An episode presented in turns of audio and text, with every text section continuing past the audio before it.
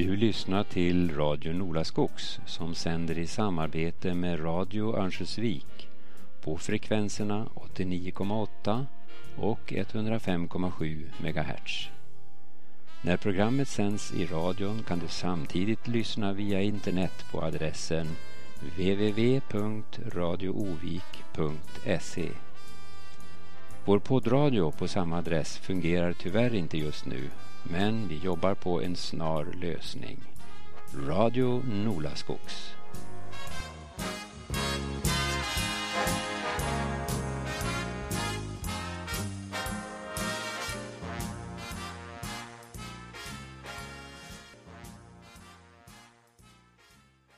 Jag välkomnar till dagens program som kommer att handla om bussbolaget Byber och Nordin. Jag heter Sven Lindblom och är programvärd idag och med mig i studion har jag Thomas Byber som är ägare och VD och Jens Byber som är områdeschef här i Örnsköldsvik. Hjärtligt välkomna och det var trevligt att ni avsätter en timme för att berätta om ett väldigt intressant företag. Mm, tack. Tack så mycket. Om vi börjar med släktskapet. Det, ni har samma efternamn, Thomas.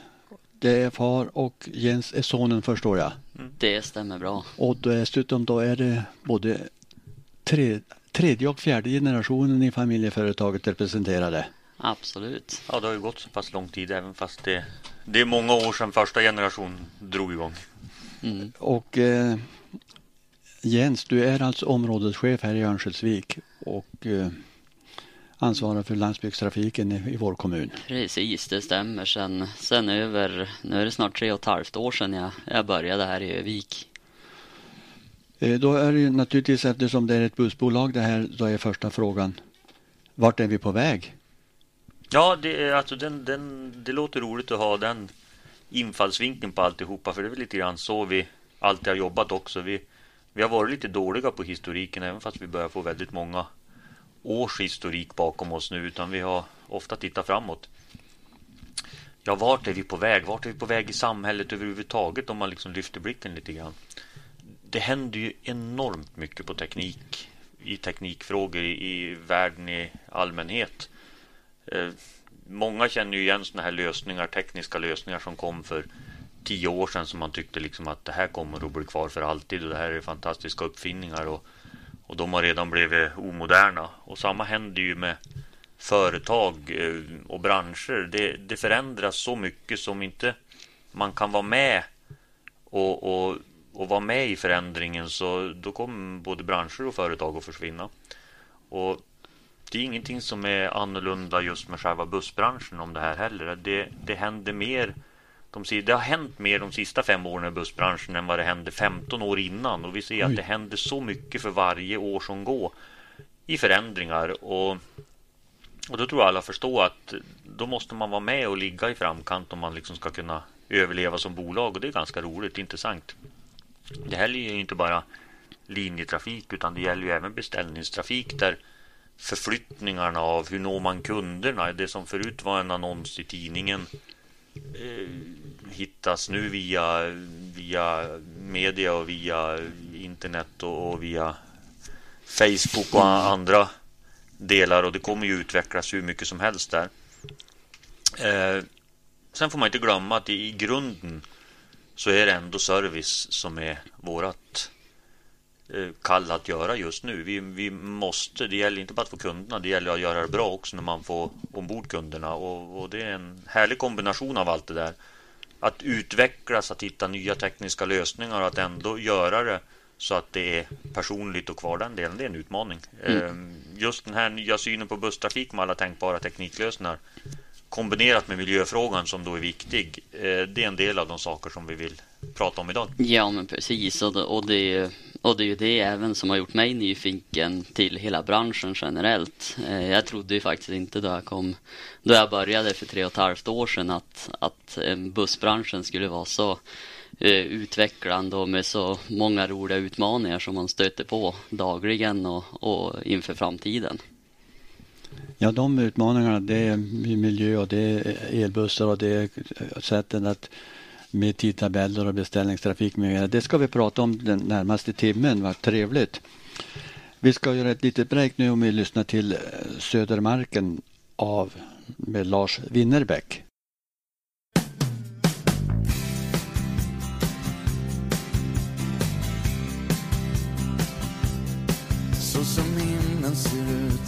Tisdag över skolans kommunala korridorer.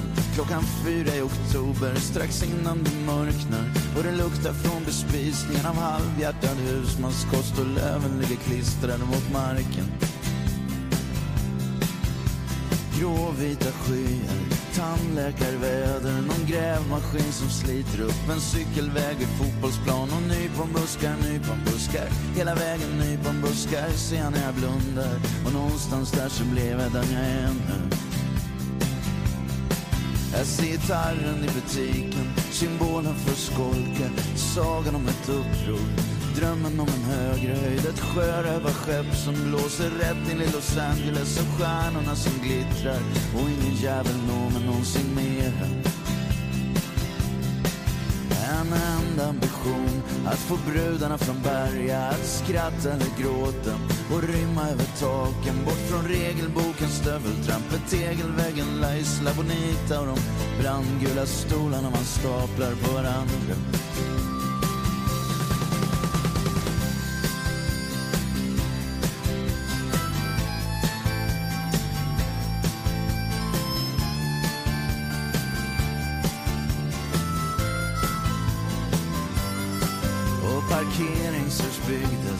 Litet steg för människan, ett stort steg för betongen Och den rotlösa känslan som ännu ett hinder På vägen mot den råa romantiken och gitarren i butiken Och flykten över taken. Man la klossar över ängen med små fönster och dörrar. Det var slogans överallt från alla medelbeiga firmor och en skivaffär i centrum som ett hål genom kulissen ut i verkligheten, drömmen, ut i färgerna man bara ser på bio. Vi bildade band och blåste ringar, drog med handen genom jorden, fyllde naglarna med lera av all yta som vi skrapar För någonstans under lagren av tätorts-Timotej så bredde stora världen ut sig utan farthinder och konsumkort och nypon. Vi satte båtarna i bäcken, såg dem flyta in i tunneln. Kanske vidare mot Vättern och kanalen ut till Nordsjön Över vågorna mot Irland, ut på havet och som blåsa iväg Och aldrig komma tillbaka mer till bäcken där det började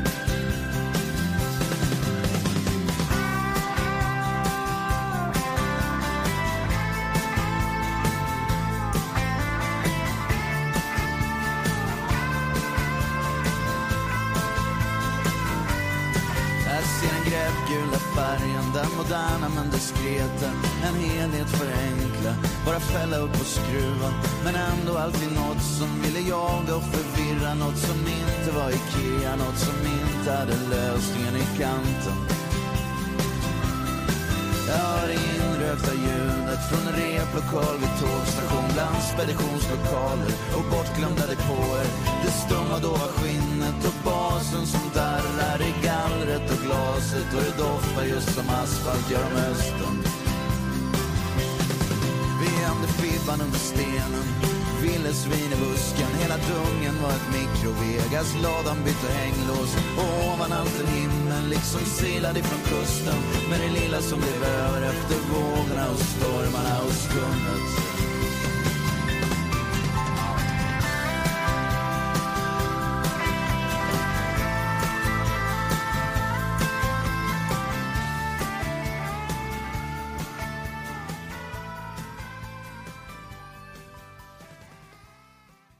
Ja, Jens Byberg, fjärde generationen i familjeföretaget Byberg Nordin. Du sa att det var många utmaningar i branschen. Vill du utveckla? Ja, men absolut. Och jag hann ju med att prova, prova en annan bransch också innan jag hamnade i bolaget. Men, men eh, just där som, jag har ju spelat hockey förut och varit hockeymålvakt och där, jag brukar jämföra det lite grann med, med bussbranschen också. Just den här kombinationen av både action och, och, ehm, och eh, planering och systematiken här som, eh, som gör att eh, dagarna, dagarna går väldigt fort bryter av lite grann där. Det låter lite illa att man behöver en målvakt i bussbranschen. Det brukar vara lite annan. Det brukar vara lite annat än vad situationstecken vad en målvakt inom företagsbranschen är. Men Ja, det, här var inte det vi tar. Precis, det är inte därför som, som han har velat fått in mig som fjärde generation. Nej. Eh, nej, men om vi säger bussbranschen som sådan, så gr grundpelaren för allting är ju att ha en, en chaufför som, som kör en buss och bussen kör ju en linje eller beställning. Och det gör att det här, det, när jag pratar om det hela så brukar jag brukar nästan säga att ibland så jobbar jag med att, med att bygga pussel varje dag. Jag, jag, ähm, och, och sen så det är även som en, en rubrikskruv också där man börjar i början av dagen så då är det ju fina snygga sidor och liksom den är, den är likformad men sen så då kan det komma ett samtal om en trafikstörning eller det är en sjukdom på en chaufför. En buss kanske inte går att starta på grund av kylan. Det, eh, och det gör ju det att då får man hela tiden vaska om den här kuben igen och försöka få den till att bli lika, eh, ja, samma färger på, på allting då. Eh, ofta så sker det ju här inom en väldig tidspress också. Det är ju där som vi får den här eh, actiondelen i det hela jobbet då. Så alltså, företaget går ju allra bäst när du kan sitta och rulla tummarna då Ja, och, och all, allting flyter på. precis. I alla bästa utav världar så, så kan man göra den här planeringen väldigt långsiktig. Eh, och det, det är ju det vi, det är det vi har som mål också hela tiden. Men du, hur stora är ni i Örnsköldsvik? Ni har hela landsbygdstrafiken alltså och det betyder att ni har Det betyder eh, 45 landsbygdsbussar och eh, vi har med, med extra vid behov anställda ungefär 75 stycken i Örnsköldsviks kommun. Och till det tillkommer ju då även taxidelen där vi har ett 12-13 fordon som rullar med samhällsbetalda resor. Så ni är en stor arbetsgivare i Örnsköldsviks kommun också? Absolut, och vi sträcker oss från vi, vi har depåer i, i Hemling och Trehörningsjö och Bredbyn, eh, Köpmanholmen eh, och så här i Örnsköldsvik, Skorped Skorped. Absolut. Eh, och det är ju så här att med så många med så många bussar och så mycket personal så, så tänkte vi, ja men hur ska vi hitta ett system för att, ja egentligen för att hålla koll på allting. Eh, och, och utan ett sånt så, så då känner vi att då är det omöjligt att växa och klara av den stora massa som vi faktiskt har med en bra kvalitet också. Eh, så, vi, så till och med innan jag flyttade hem från, från mina collegestudier i USA eh, så har, var jag involverad och jag hjälpte även min far i att, i att utveckla ett trafikledarsystem. Och, som har, och det har ju varit en, en rejäl resa det är också riktigt intressant. Och, och då sitter man helt plötsligt inte där som, som, som en eh, områdeschef för, för en bussdepå utan då sitter man här som en, en datautvecklare. Ni måste ha era egna system alltså. Ni kan inte köpa färdiga datapaket och utan ha egna system delvis. Mm. Ja, där kanske jag ska gå in och, och, Ja. och tala om lite grann hur vi tänkte. Eller om vi tänkte. Det, det, så här i efterhand så kan man fundera. Det är klart att när, när vi, vi satt för ganska många år sedan, eller säg ett tiotal år sedan, ja det är nog tio år sedan ganska precis nu och fundera hur kommer framtiden i, i branschen att, att bli utifrån den, den insikt vi hade då. Och då gjorde vi den bedömningen att en väldigt, väldigt avgörande del framåt kommer ju att vara hur man kan klara av rent tekniskt att hantera de här volymerna med, med kvalitet. För vi såg att det kom mer och mer krav på färdiga system för att hantera alla typer som har med vår verksamhet att göra. Ehm, och vi var runt och tittade ganska länge. Jag tror vi höll på ett år och, och åka runt och se vad, vad finns det för någonting på marknaden att använda. Och vi kände ändå att nej, men, nej, det här är ingenting som vi kan börja använda. Utan fick vi kontakt med en kille som vi kände förut som faktiskt hade varit VD på ett av våra bussbolag som sen hade hamnat in i databranschen i Sundsvall och, och började prata om det här och eh, utifrån det så började vi bygga på ett eget system. Och då är det inte bara ett planeringssystem utan det innehåller ju väldigt mycket. Sen ska jag vara villigt erkänna att den första ekonomiska kalkylen på det systemet Eh, är nog inte en tiondel av där vi har hamnat idag. Så, så det är klart att det har kostat oss eh, enormt mycket pengar. Eh, men det är nog bland de mest välinvesterade pengar vi har lagt. För det här är liksom den plattform som vi jobbar i nu och som vi ska jobba i i, i framtiden. Och eh, nu är även andra bussbolag och, och, inte bara bussbolag utan andra bolag överhuvudtaget som har börjat titta på det här systemet. För det är mycket som går att använda rent för att hålla ihop en verksamhet också med kvalitetssystem och, och sådana här delar i, i, i det här systemet som är utvecklat.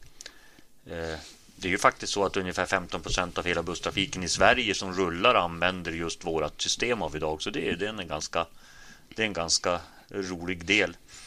Eh, och det är klart att det har varit det har varit en liten kick att vara med i det här också för det blir, det blir någonting annat. Man får jobba med någonting annat, tänka på någonting annat, tänka i andra banor och, och det har varit en en spännande, rolig, eh, förvisso dyr del men för oss helt avgörande del eh, för att kunna vara med och, och räkna på många av de här anbuden som vi räknar på. Ja, ja men och det ser man och i och med att jag var, jag var tidigt inne i det här, till och med innan jag började inom bolaget så var jag inne i det här systemet och klickade runt och var med och utvecklade så då har ju det blivit en, en stor del i mitt, i mitt dagliga jobb också. I och med att vi inom Björks och Byberkoncernen använder oss av det här trafikledarsystemet som, som vi kallar för BPL. Eh, så då, blir, då är det jag som jag får åka runt inom, inom Björks och Byberg och, eh, och utbilda och prata med andra områdeschefer och trafikledare. Så det, det blir från Finspång, Kumla, Örebro, Västerås, Dalarna och Gästrikland och så här i Västernorrland. Och och det blir så att nu på söndag till exempel så åker jag ner till Enköping och ska vara där måndag, tisdag.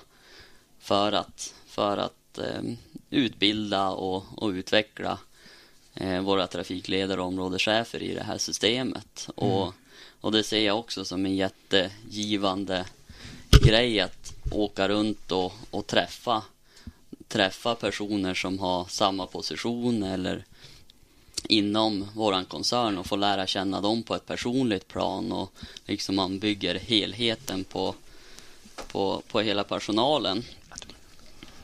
Nu nämnde du Björks och Byberg. Vi kan återkomma till det lite, eller hålla fast vid det lite grann.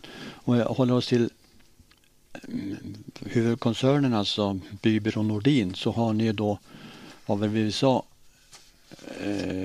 2200 eh, medarbetare och 950 fordon. Va?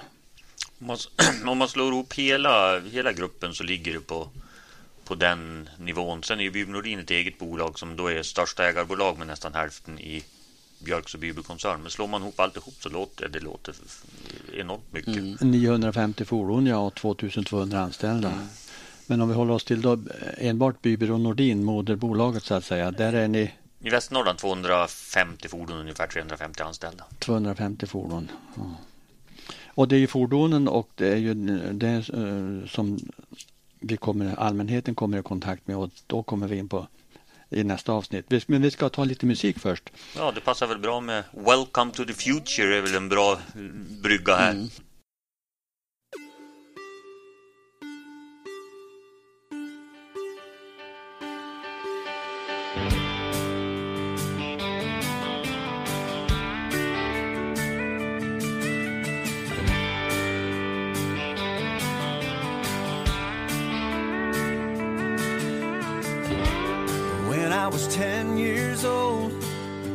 Remember thinking how cool it would be when we were going on an eight hour drive. If I could just watch TV.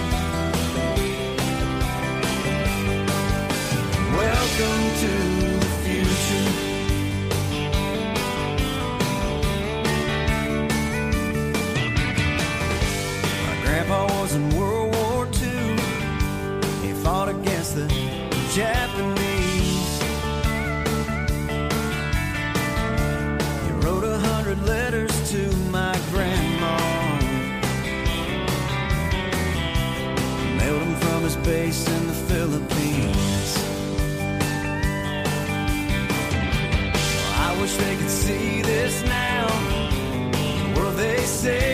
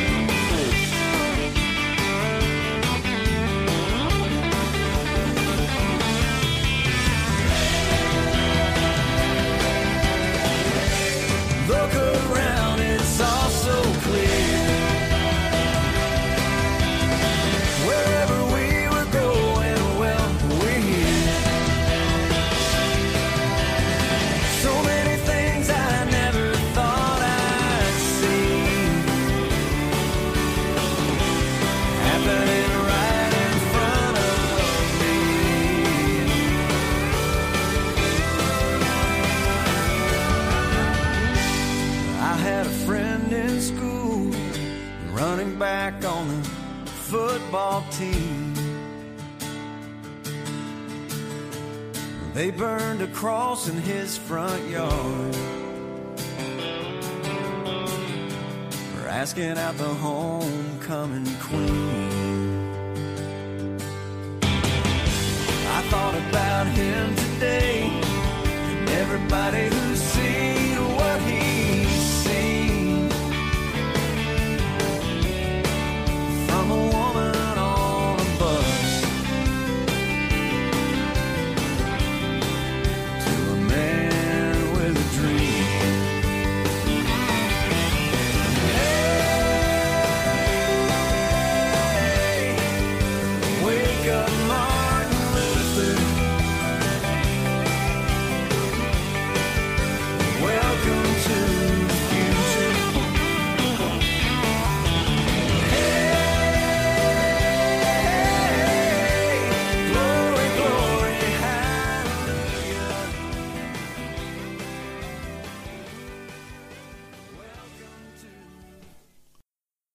Ja, då har vi pratat en del om eh, eh, trafikledningssystem och sånt, men det väsentliga för oss som lyssnar och är passagerare det är ju tillgänglighet och komfort. Thomas, hur kommer det att förändras i framtiden?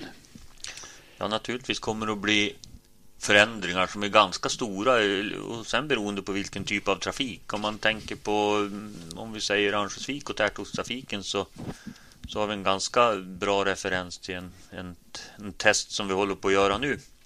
Vi satt och funderade lite grann för ett antal år sedan och, och funderade hur vill folk, våra kunder åka egentligen i lokaltrafik?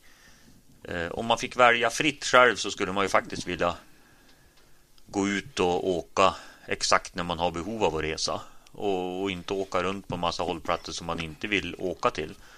Eh, jag har svårt att se att vi om tio år kommer att ha tidtabeller som folk tittar och säger att ska jag åka hit så måste jag åka klockan 10.32 annars går nästa buss först klockan 11.15 och, Mm. och jag får avsluta det här som jag håller på med nu. Jag, jag tror att vi vet ju åtminstone att det finns ett behov att åka annorlunda och på något sätt så, så tror jag vi måste inse att alla behov kommer vi att försöka lösa på något sätt inom samhället just nu. Och, så vi har väl kommit på ett sätt att försöka ta oss vidare där också. Jag tror Jens kan... mm, Ja, men precis. Och för att spinna vidare, det är ju så att det med, som samhället är idag så, som vi var inne på, att vi vill inte behöva stå och vänta på att en, på att en buss ska komma till en hållplats, utan vi vill ju kunna styra våran egen resa. Eh, jag ska inte heller behöva sitta, eller då jag vaknar på morgonen behöva planera att ja men nu ska jag måste tajma in så jag åker med den här bussen 11.15 annars så hinner jag inte till mitt möte. Eh, utan jag, i bästa av världar så vill vi ju faktiskt kunna kunna beställa en resa i realtid. Jag sitter på lunchen och så, och så tänker jag, ja men just det, jag skulle behöva åka och träffa den här personen. Och så då, då kan jag helt enkelt på lunchen sitta med en telefon och beställa, beställa bussresan och så kommer den bussen då utanför, utanför dörren. Eller så nära som möjligt då. Eh, jag, jag, jag, bor i Bonäset. Jag heter Sven Lindblom och är programvärd idag och ni lyssnar till Radio Skogs.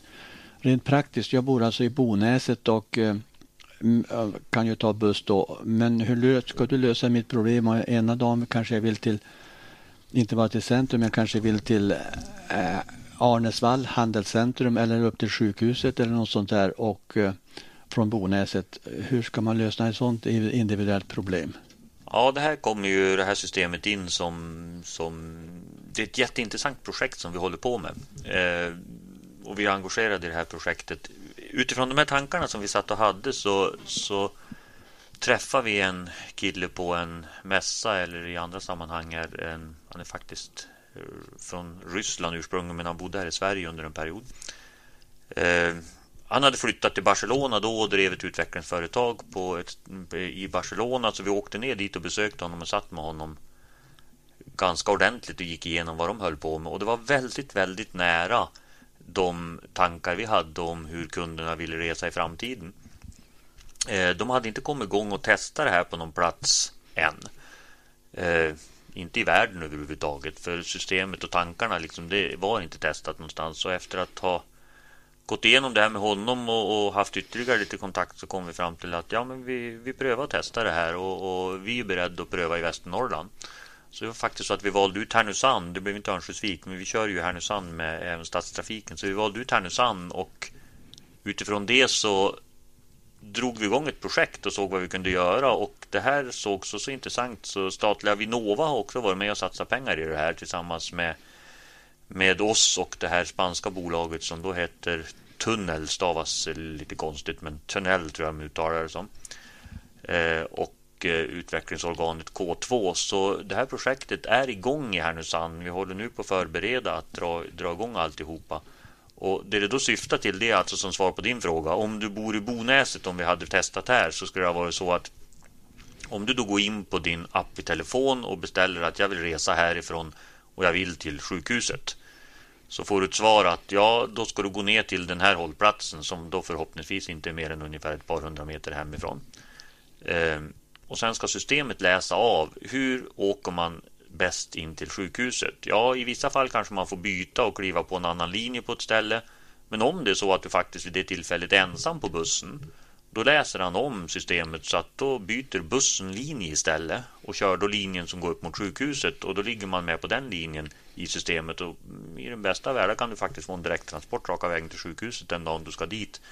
Och den kommer definitivt inte att köra runt på 32 hållplatser på vägen in och stanna och vänta in avgångstider utan den kör så fort som möjligt på den här linjen. Det ska bli jättespännande att testa det här i Härnösand nu Eh, det är faktiskt första stad i världen som ska ge sig in och testa ett anropsstyrt system för busstrafik. Det låter ju väldigt intressant. Det låter väldigt intressant. Mm. Vi, vi tycker ju om musik också så nu tycker vi göra ett litet break med Don't Stop Believing, alltså Sluta inte tro.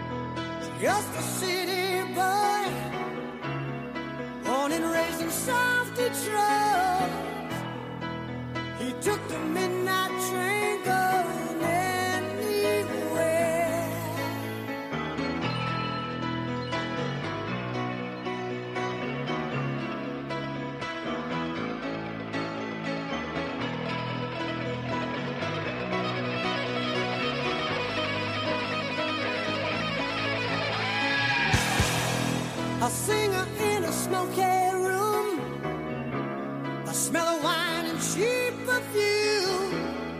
For a smile they can share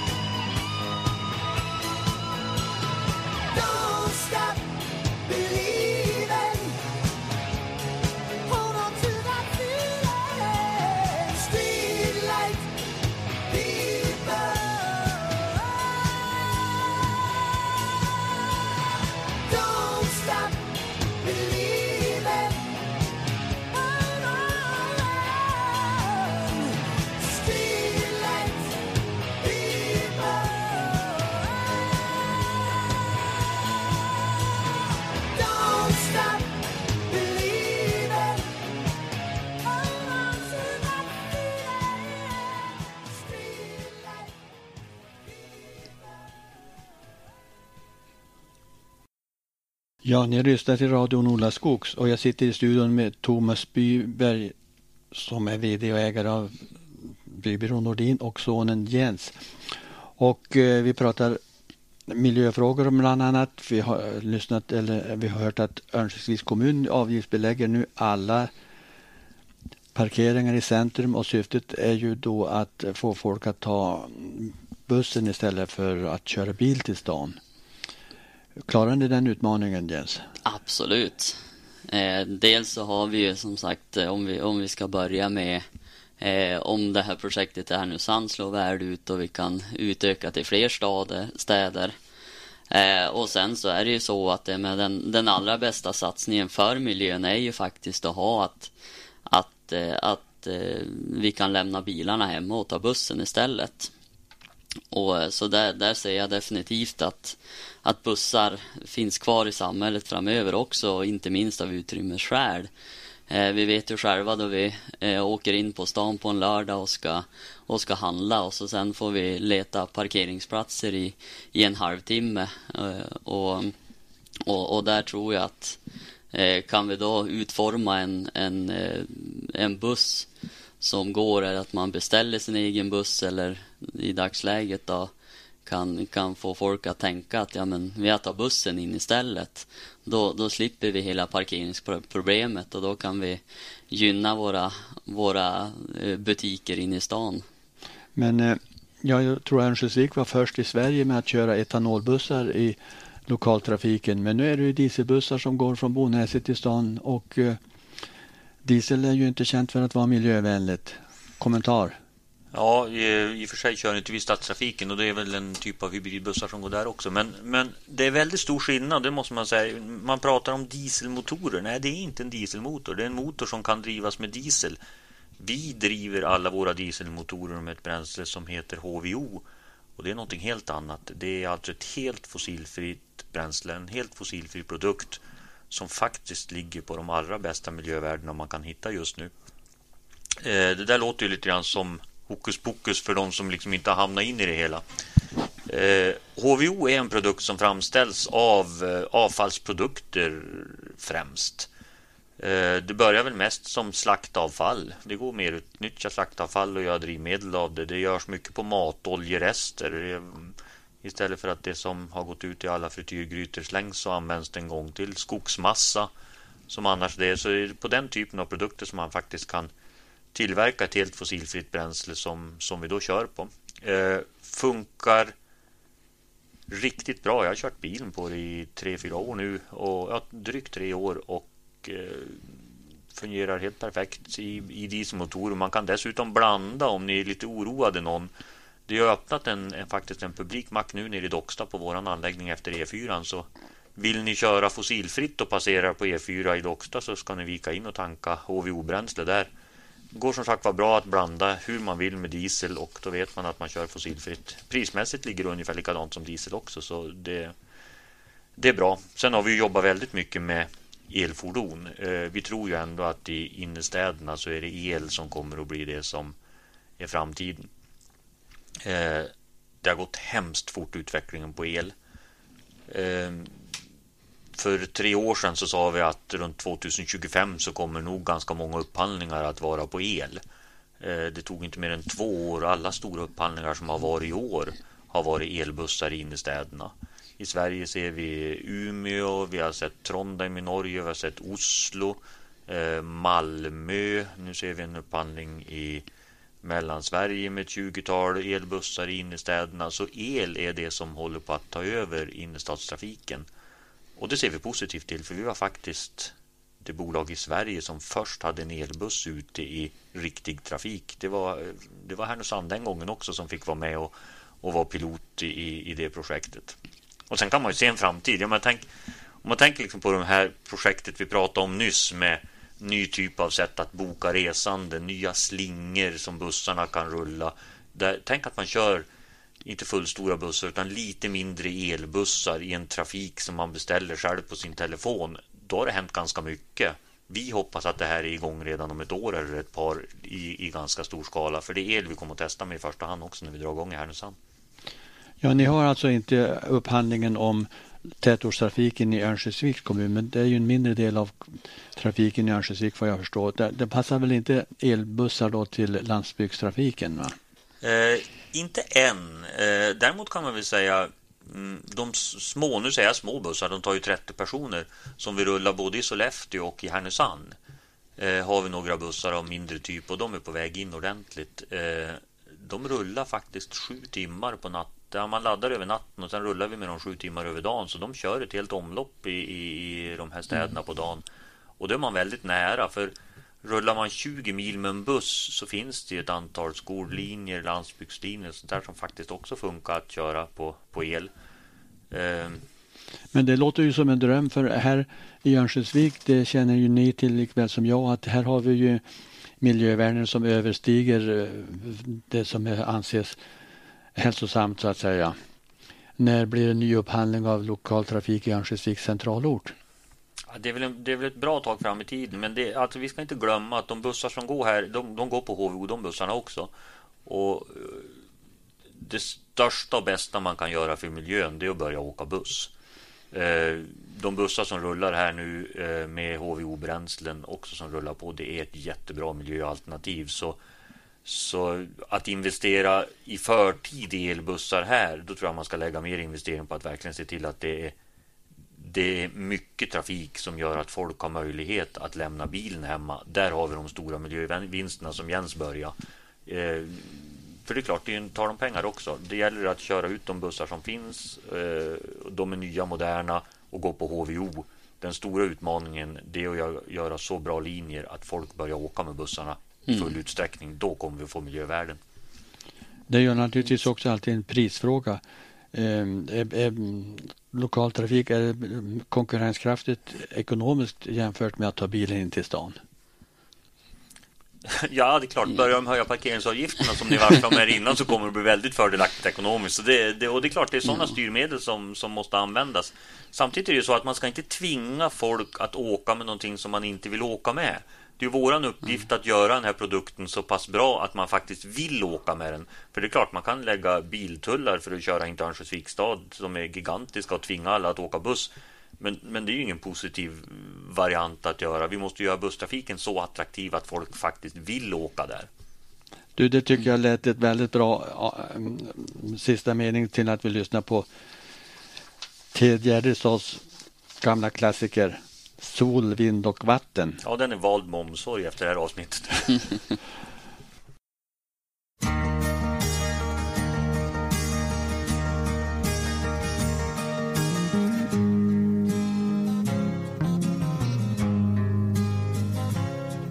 Ännu spelar syrsor till vindarnas hus Ännu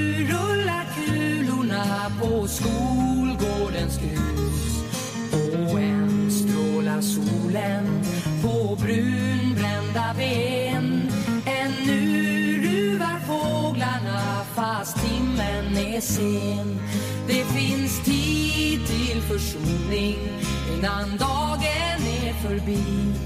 För jag tror, jag tror på friheten jag lever i. Och är det inte verklighet så drömmer jag. Sol, vind och vatten är det bästa som jag vet. Men det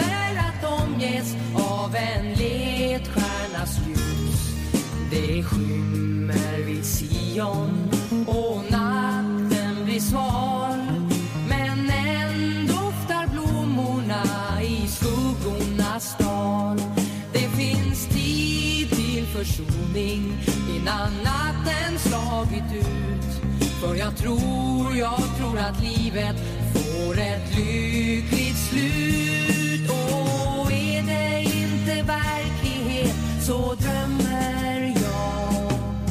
Sol, vind och vatten är det bästa som jag vet. Men det är på dig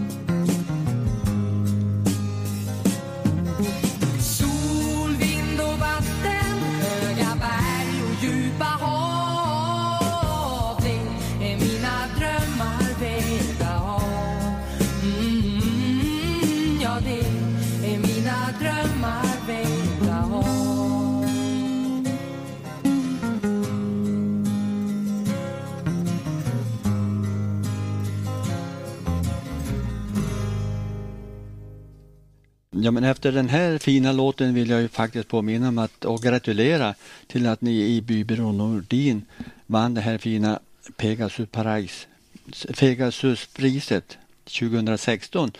Ni var konkurrenter med Trelleborg Hamn och Claes Olsson som ju också, också gick till final. Vad var det här för pris du? Det där var faktiskt riktigt roligt. Det, var, det, det är ett pris som delades ut från eh, transportgruppen inom Svenskt Näringsliv Eh, till det bolag som har gjort mest innovativa miljösatsningar under det år som har varit och försökt att driva på utvecklingen i miljöfrågor. Så det känns kul eh, som eh, att man liksom uppmärksammar de här delarna och det var mycket just de här satsningarna på elfordon och på alternativa fordon och, och trafiken i Härnösand som, som, fick, som var basen för den delen. Så det, det var verkligen trevligt. Då frågar vi igen, var är ni på väg? Nu är ni ju Sveriges största familjeföretag i bussbranschen och vad säger du om framtiden? Ja, det är klart man kan ju räkna upp antal anställda, antal bussar och alltihop sånt där. Det, vi har aldrig haft någon målsättning just att, att växa i det hela. Man skulle kunna säga att vi... Jag tycker att det är viktigare att prata lite grann om värderingar. Vad jobbar vi utifrån värderingar? Ingenting ska vara omöjligt. Ingenting är omöjligt. Det är liksom den riktlinje och den ledstjärna som vi har framför oss. Oavsett vad det gäller för någonting så, så, så ska vi tänka i banorna. Går det här faktiskt att lösa på något sätt? Framförallt ett roligare sätt att kliva upp på morgonen om man försöker se på livet på det viset istället för att och, och resonera att det här kommer aldrig att gå, det kommer, kommer inte att lösas utan man hela tiden vinklar tillbaka och säger går det att lösa på något sätt och, och kan vi få det där att genomsyra hela organisationen ja, då tror jag att vi kommer att ha åtminstone riktigt roligt. Sen vet vi inte hur, hur det kommer att gå, men det kommer att vara ett roligt sätt att leva. Eh, vi kör ju många typer av trafik och det är klart att det gäller ju att få det att funka på alltihop. Ja, men absolut. Alltså, vi har ju dels linjetrafiken, vi kör skol, skolbusstrafiken, eh, men vi har ju också väldigt mycket beställningstrafik eh, där vi tar grupper, föreningar. Vi har ju jättemånga hockeylag, framförallt här i, i Örnsköldsvik där som, som, eh, som vi kör och, och, och tar på äventyr som vi brukar säga. Eh, och sedan, och det är ju sedan 70-talet, kom ju faktiskt vårt första reseprogram ut också. Där vi planerar och genomför både korta och långa resor. Det kan vara en teaterresa till Stockholm, men det kan även vara en, en 12 dagars resa runt om i Europa där vi får, får uppleva och se väldigt mycket trevliga saker. Eh, Så vi, och, och sedan så har vi kört, eh, kört eh, kustlinjen eh, som vi säger från, från Stockholm eh, eller ner till Stockholm och norrut också då, i form av Y-buss har vi kört väldigt länge. Just det, ja. Expressbusstrafiken som har, har varit väldigt populär och som vi, som vi fortsätter att köra. Och den här vintern är ni väldigt konkurrenskraftiga mot eh, tågen också. Det, det har ju blivit lite grann så. Det, det känns ju jättebra. Och, och just det här att vi lever efter devisen att ingenting är omöjligt. Ibland så kan det komma ett samtal där, där tågtrafiken frågar efter fyra bussar, gärna för tio minuter sedan, till, till en ersättning. Och, och där känner vi att ja, men, om ingenting är omöjligt, ja, men vi ger oss på det och vi, vi gör allt vi kan för, för att få de här bussarna ut på plats och, och för att hjälpa de som har blivit strandade på, på en perrong. Ibland tänker man ju liksom inte på allting vi håller på med. Det är ganska roligt när man bara sitter så här och bocka av. Vad är det vi gör där? Vad vi gör där? Nu kommer jag på en sak som vi helt har glömt bort. Vi har ju, vi, när du säger tågersättning, vi har ju faktiskt avtalet med SJ på all ersättningstrafik i hela Sverige. Det var ju folk som sitter 24 timmar per dygn i Västerås. Så allting, om ett tåg står stilla i Kiruna eller om det står stilla i Göteborg eller neröver så, så rullar du in till våran central där som ser till att leja in bussar som kör och ta hand om hela den. Det är en ganska omfattande verksamhet som ytterligare en del där då som liksom där det är ju faktiskt så att det system som SJ jobbar i är vårat system för det är ett byggt helt separat av samma firma som liksom har byggt vårat så har vi utvecklat även det systemet så SJ jobbar just nu i vårt system för att hantera all den här ersättningstrafiken också. Mm. Och när de då har ring, ringt ut och sagt att vi, vi kör den här ersättningstrafiken så kan ju de se på en karta att ja men här är bussen på den här sträckan så de, de vet när passagerare snart är framme också. Kör mycket till båtar, Birka, Eckerölinjen. Eh, ett roligt projekt, elbussar där också. Två elfordon som går i skytteltrafik mellan Bromma och Arenastaden. Så åker man flyg till Bromma och ska mot Arenastaden och det hållet så kan man alltid kliva på en av våra elfordon där som snurrar i kontinuerlig trafik hela dagen. Nu vart det mycket elfordon och mycket det, men då passar det jättebra med nästa låt också. För elbussar hör man ju inte. Och nästa låt heter Sound of Silence. Det är en liten nytappning av Disturbed som har gjort den här. Men, men Sound of Silence är det då en elbuss är på väg.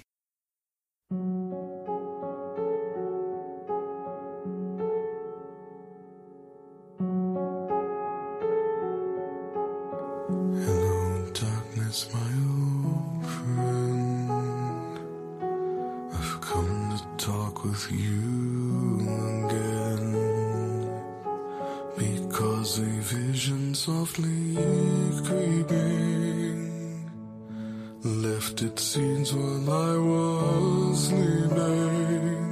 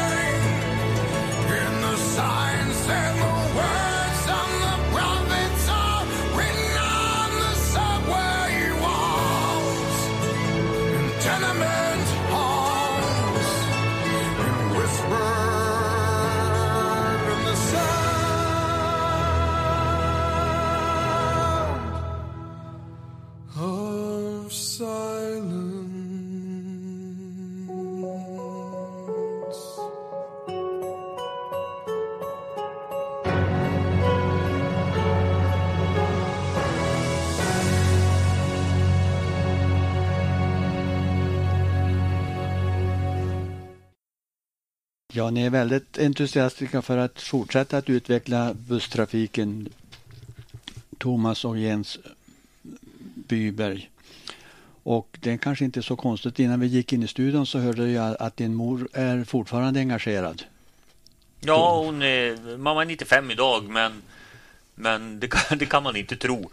Eh, och det är klart att eh, hon är en stor del i det som har byggts upp. Jag menar på, på 60-70-talet och hela den tiden då bolaget drog igång och, och eller drog igång, det drogs igång väldigt långt innan, men under uppbyggnadstiden här så vi brukar skämta, hon var liksom hon var alltid ett på bolaget. Eh, hon skötte ju allt ifrån personalplanering, eh, hon var ekonom, hon var eh, handledare, hon var växeltelefonist, hon var säljare och, och med ett litet bolag så fick man tjänstgöra som det mesta. En gång var det till och med en chaufförs hustru som var på väg in till BB som hon fick då få stötta upp och följa med. Så hon genomförde till och med förlossningen på Skure där. Så det är klart att då har man ett ganska vitt ansvarsområde. Jag vet inte hur den platsannonsen skulle se ut. Eh, sen är det ju så, eh, alltså, oavsett hur mycket vi summerar och alltihopa, det är klart att vi har haft en grupp medarbetare och har fortfarande, även fast det dessvärre är så att de flesta börjar bli pensionsmässiga nu. Skulle vi kunna investera i någon teknik som gjorde att de vart 20 år yngre så vore det nog vår allra bästa investering. De har varit med och byggt upp företaget. Jag tror att alla av dem vet vilka de är.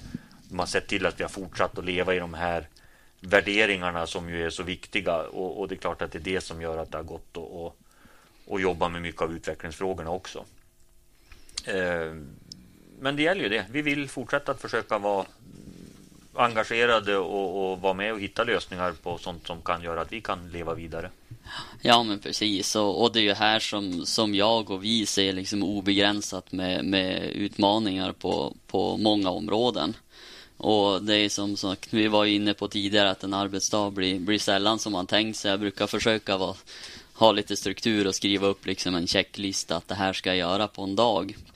Men den där, bruk, den där checklistan brukar stå kvar på datorn sedan då jag går hem för dagen. Eh, men det är som vi säger, vi talar mycket om teknik och förändringar men, men det är faktiskt så att ingenting fungerar ju om inte personalen trivs på sitt jobb och gör det med engagemang och, och drar åt samma håll. Och, och det finns ju mycket att göra även om det, mycket kommer att förändras där också men, men framför allt det, det är medarbetarna som har gjort att, att allting har varit möjligt. Det tycker jag blev en jättebra avslutning egentligen. Det är ju, vi vill ju leva efter devisen ingenting är omöjligt. Och, och med de här medarbetarna så kan vi vara en del av branschen i fortsättningen. Även om de vill åka med oss på linjen i Örnsköldsvik eller en resa till Friends Arena på en fotbollslandskamp. Eller om de faktiskt ger sig iväg på en konstresa till Wien. Tack så mycket att ni har lyssnat. Det har nu har kommit fram till avslutning på dagens program. Programvärd har varit Sven Lindblom och med mig i studion där har varit Thomas Byberg, VD för företaget Bybro Nordin och sonen Jens, områdeschef här i Örnsköldsvik. Tack för idag.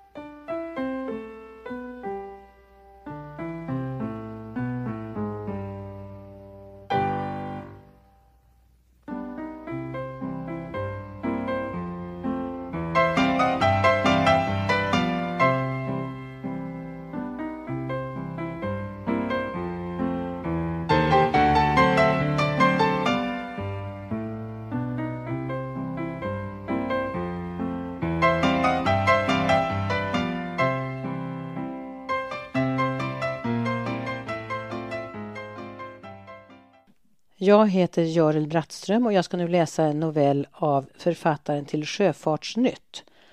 Med reservation för uttalet så heter hon Annie Brooks. Boken heter Berättelser från vidderna. Och den här historien heter Blodfuxen. Till Bassi Mali. Vintern 1886-87 var fruktansvärd.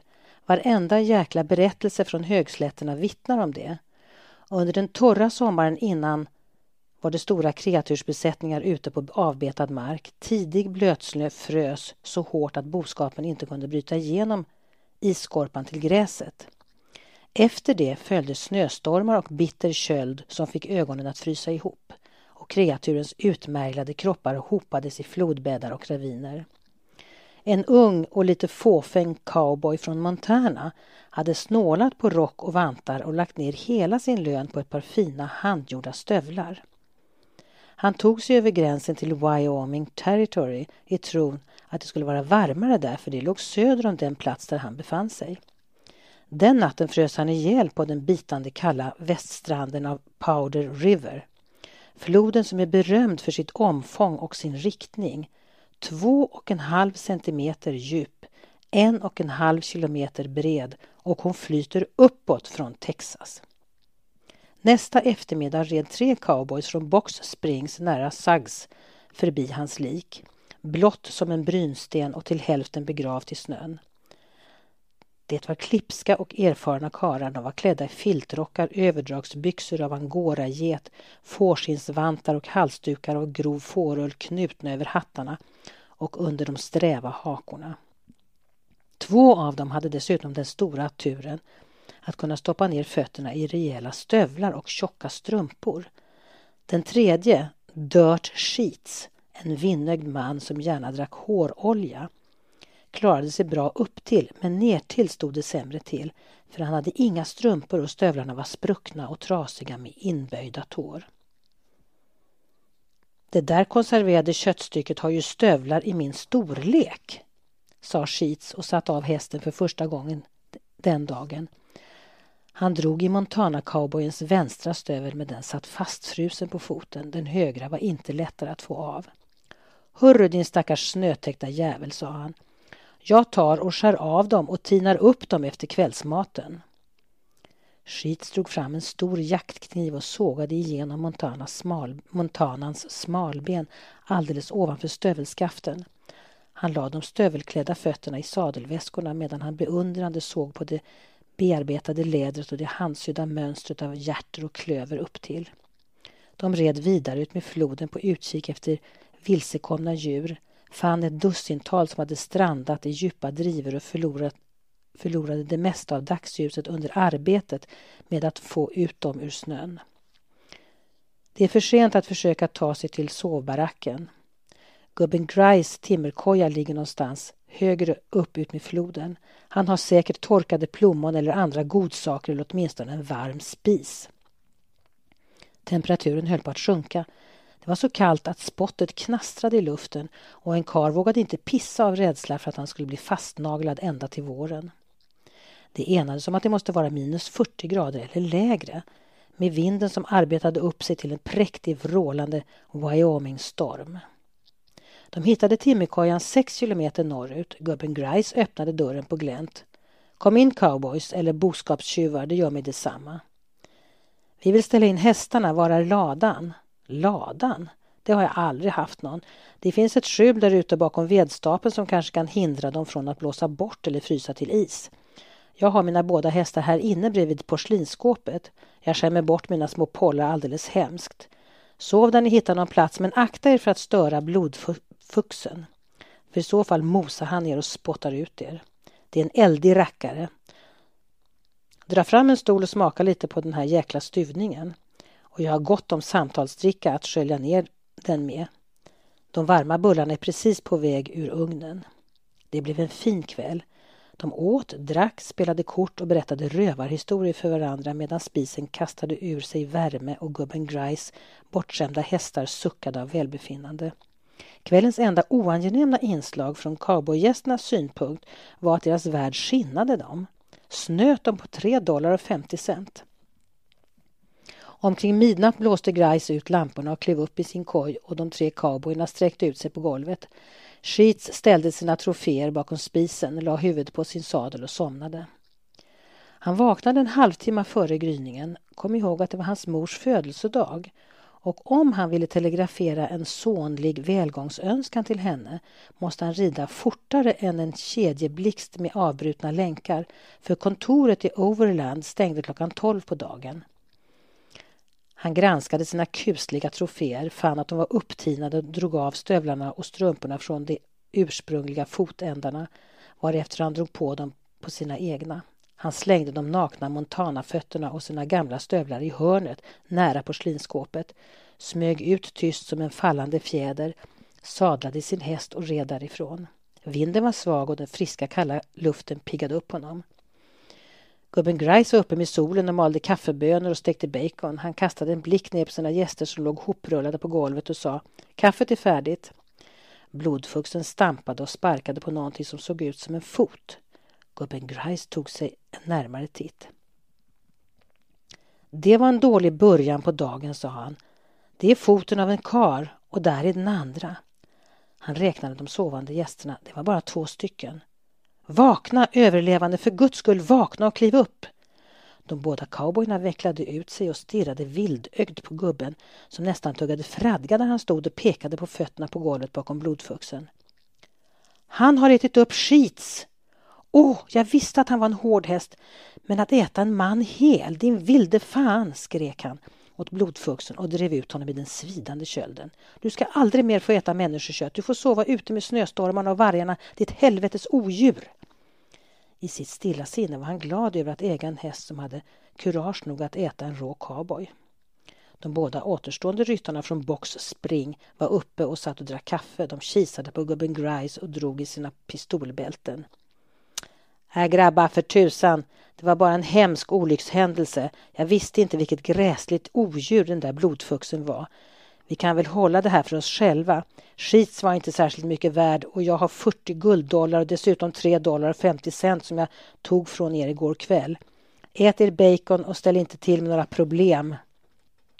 Det finns tillräckligt med problem här i världen utan att vi ska behöva ställa till med mer. Nej, de skulle inte ställa till med problem och de lade de tunga pengarna i sadelväskorna, drack en sista kopp varmt kaffe, sadlade hästarna och red ut i den leende morgonen. När de träffade Sheets samma kväll i sovbaracken nickade de och gratulerade honom till hans mors födelsedag men sa ingenting om blodfuxar eller 43 dollar och 50 cent. Uträkningen satt bra där den satt.